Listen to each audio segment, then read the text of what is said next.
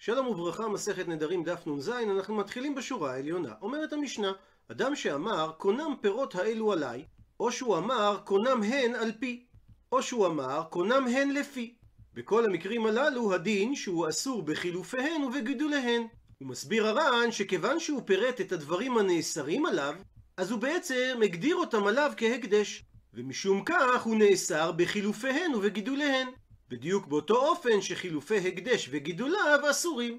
וזה לא דומה למי שנודר סתם מן התאנים או מן הענבים, שכיוון שהוא לא פירט ואסר עליו את כל המין, אז הוא לא שם עליו הקדש, שהרי הוא לא התכוון אלא מאכילת אותו מין, ומשום כך הוא לא נאסר בחילופיהן ובגידוליהן. ואותו הדין גם אם הוא אמר פירות של מקום פלוני או פירותיו של פלוני, דכיוון שהוא ייחד לפירות מסוימים, הרי הוא כפורט ואסור בחילופיהן ובגידוליהן. אבל אומרת המשנה, אם הוא אמר, קונם פירות שאיני אוכל ושאיני תואם, כך לפי הגאות הבך, במקרה כזה הדין יהיה שהוא מותר בחילופיהן ובגידוליהן, שהרי הוא אסר על עצמו את הפירות עצמם, וכאשר הוא אוכל מהחילופין או מהגידולים, הוא לא אוכל מהפירות עצמם שאותם הוא אסר על עצמו. ועד לכאן ניתן לדייק שמה שאמרה המשנה ברישא שגידוליהן אסור, זה דווקא בגידולים דור ראשון, אבל בגידולי גידולים היינו יכולים לחשוב שיהיה מותר. ועל כן באה המשנה ומסייגת שמה שאמרנו זה בדבר שזרעו קלה, כגון חיטה שכאשר זורעים אותה, הזרע עצמו נרקב. אז בצמחים מהסוג הזה, רק בגידולים הראשונים הוא ייאסר. אבל בדבר שאין זרעו קלה, כגון השומים והבצלים שהם לא קלים בקרקע, אלא שרבה וגדל בגופו. דהיינו, שהעיקר ממשיך להתקיים והגידולים מתווספים עליו. אז בדבר שאין זרעו קלה, אפילו גידולי גידולים יהיו אסורים. ועוברת המשנה להלכה הבאה. האומר לאשתו, קונה מעשה ידייך עליי, או שאמר לה, קונם הן על פי, או שאמר לה, קונם הן לפי. בכל המקרים הללו, הוא יהיה אסור גם בחילופיהן ובגידוליהן. והחידוש בדבר, שכאשר הוא מייחד את מעשה ידי אשתו, זה כמו מי שמייחד פירותיו של פלוני, והם אסורים עליו כהקדש, ולכן הוא נאסר בחילופיהן ובגידוליהן. הוא מחדש את המשנה, שאם הוא אמר לאשתו, קונה מעשה ידייך שאני אוכל, או שאני תואם, אז הדין יהיה שהוא מותר בחילופיהן ובגידוליהן. הוא מסביר הר"ן שהמשנה מחדשת, שלמרות שהאומר לאשתו, קונה מעשה ידייך, וזה מקביל לאדם שאומר פירות אלו, למרות זאת, כאשר הוא מוסיף ואומר שאני אוכל או שאני תואם, הוא יהיה מותר בחילופיהן ובגידוליהן. מפני שמשמעות הלשון שאני אוכל ושאני תואם לא שייכת לעניין חליפין וגידולין, שהרי בחליפין וגידולין לא שייך טעם האיסור. ולכן דווקא כאשר הוא בא ופירט שאני אוכל, שאני תואם, הוא התכוון להתיר לעצמו חליפין וגידולין. וגם במקרה הזה אומרת המשנה, שזה רק אם מדובר בדבר שזרעו קלה. אבל אם מעשה ידי אשתו זה בדבר שאין זרעו קלה, אז במקרה כזה אפילו גידולי גידולין יהיו אסורים עליו. שהרי אם מדובר בדבר שאין זרעו קלה, אז בגידולי הגידולין מעורב בהן משהו מהאיסור הראשון. ובהגדרה, נדרים זה דבר שיש לו מתירין, שהרי ניתן להתיר את הנדר, ויש כלל שאומר שכל דבר שיש לו מתירין, אפילו באלף לא בטיל. שהרי אם ניתן להתיר את הדבר ולאכול אותו בהיתר, אין הצדקה לבטל אותו ברוב. ומביאה המשנה הוראה נוספת. בעל שאומר לאשתו, מה שאת עושה איני אוכל עד הפסח.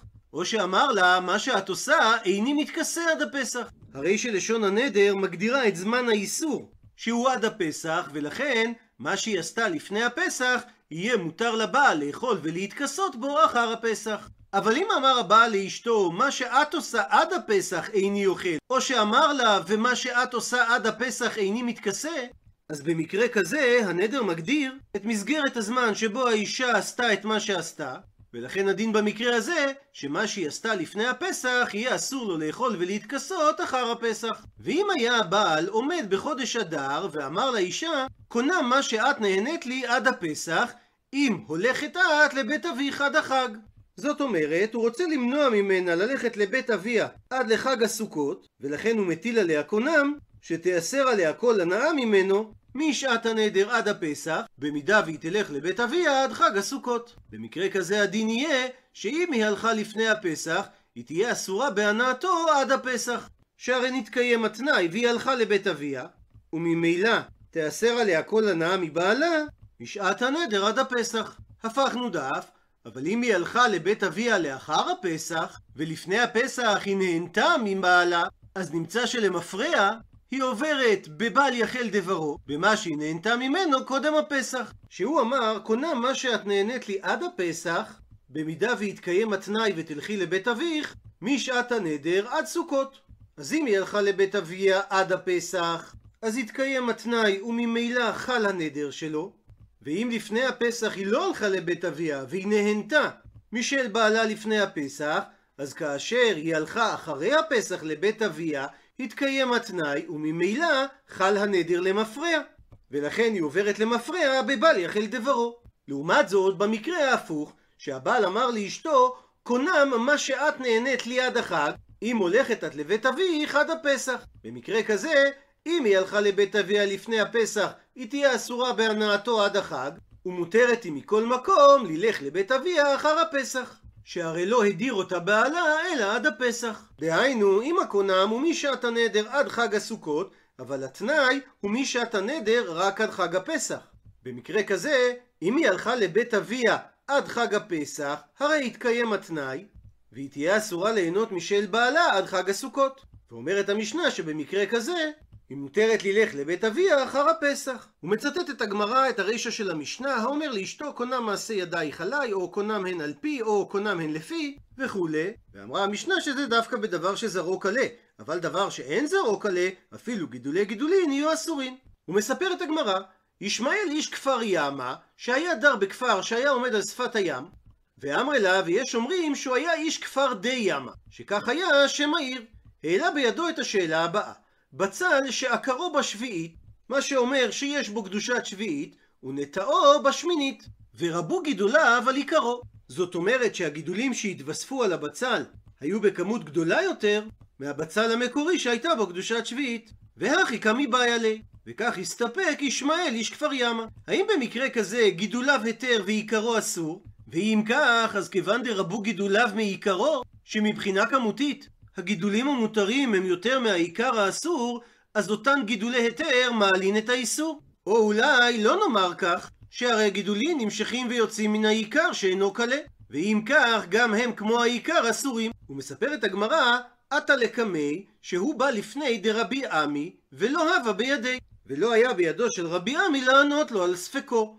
עתה לקמי, אז הוא בא לפני דרבי יצחק נפחא, ורבי יצחק נפחא פשט לימין הדה. פשט לו את שאלתו, מזה דאמר רבי חנינא טריטאה, שאמר רבי ינאי, בצל של תרומה שנטעו ורבו גידוליו על עיקרו, הדין שהכל מותר. זאת אומרת, שהגידולים בפני עצמם מותרים, והם רוב, לכן הם מבטלים גם את העיקר. זאת אומרת, שאין שם תרומה לא על הגידולים ולא על העיקר, ולכן הם יהיו מותרים באכילת ארעי כדין תבן, או באכילת קבע לאחר הפרשת תרומות ומעשרות. אמר לי שואל רבי ירמיה, ויהי תימה, ויש אומרים ששאל רב זרייקה, את רבי יצחק נפחא, כיצד שב יקמר טרן ועביד כחד? איך פסקת כרבי ינאי שהוא דעת יחיד להיתר, ועזבת את דעתם של שני החכמים, רבי יוחנן ורבי יונתן, שהם סוברים שלא באים הגידולים החדשים ומבטלים את הגידול העיקרי. ומבררת הגמרא, מה נינו טרן? מי הם שני החכמים שסברו לאיסור? מבארת הגמרא, הראשון, דאמר רבי אבאו אמר רבי יוחנן, ילדה שסיבכה בזקנה ובה פירות, אף על פי שהוסיפה 200 אסור. הוא מסביר הר"ן, ילדה זה נטיעה צעירה שלא עברו עליה שלוש שנים, וקצצה והרכיבה בנטיעה זקנה. זאת אומרת, נטיעה שעברו עליה יותר מג' שנים. ובנטיעה הילדה יש פירות. והיות שעדיין לא עברו עליה שלוש שנים, אז יש בה פירות איסור עורלה. אז אף על פי שהוסיפו אותן פירות וגדלו פי 200 ממה שהיה בהם לפני ההרכבה, ושיעור כזה של פי 200 זה שיעור שבדרך כלל מועיל כדי לבטל איסור עורלה, בכל זאת הדין שהפירות הללו יהיו אסורים משום עורלה. זאת אומרת שאף אגב שהגידולים של ההיתר כבר באים מהנטייה הזקנה. למרות זאת, כיוון שהפירות הללו כבר היו בה קודם שהרכיב את הנטייה הילדה בנטייה הזקנה, אז אין הגידולים שבהם מבטלים את העיקר.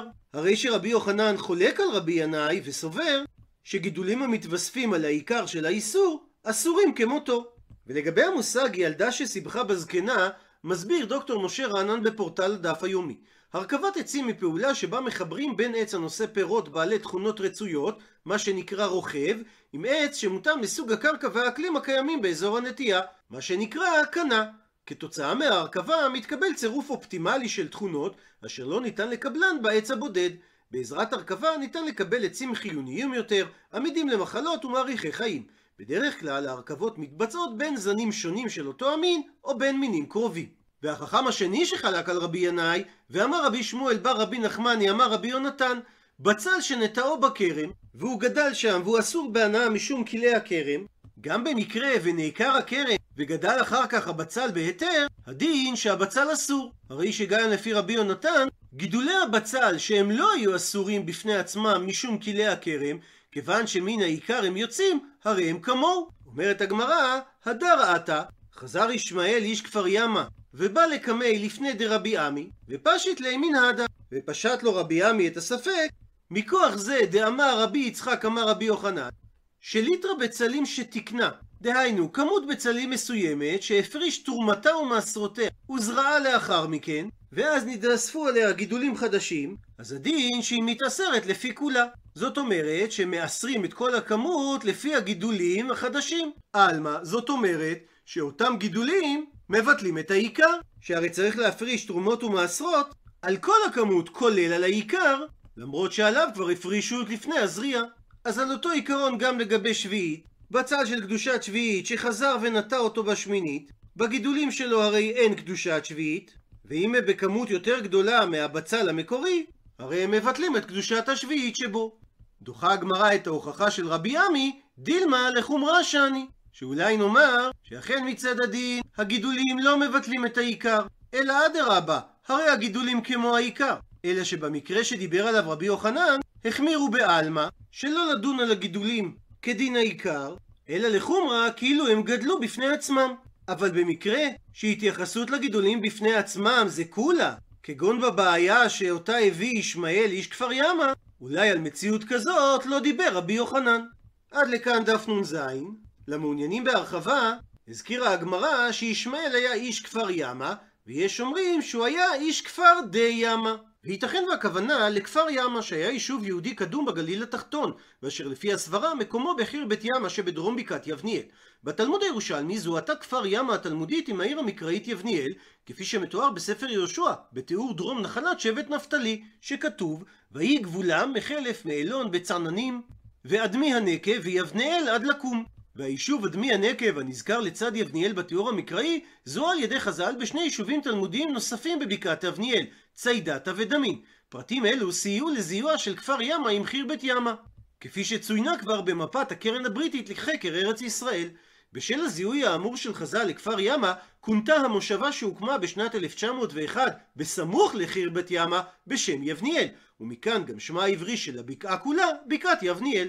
באתר יש שרידים מתקופת הברונזה הקדומה עד התקופה הביזנטית, וביניהם שרידים המעידים על יישוב יהודי שהתקיים במקום, כגון כלי אבן, מצבה עם כיתוב עברי, בסיסי עמודים, אבני מזוזה וגזית מאותרות של מבני ציבור, ככל הנראה בית כנסת, וכן אמות מים מהמעיינות הסמוכים.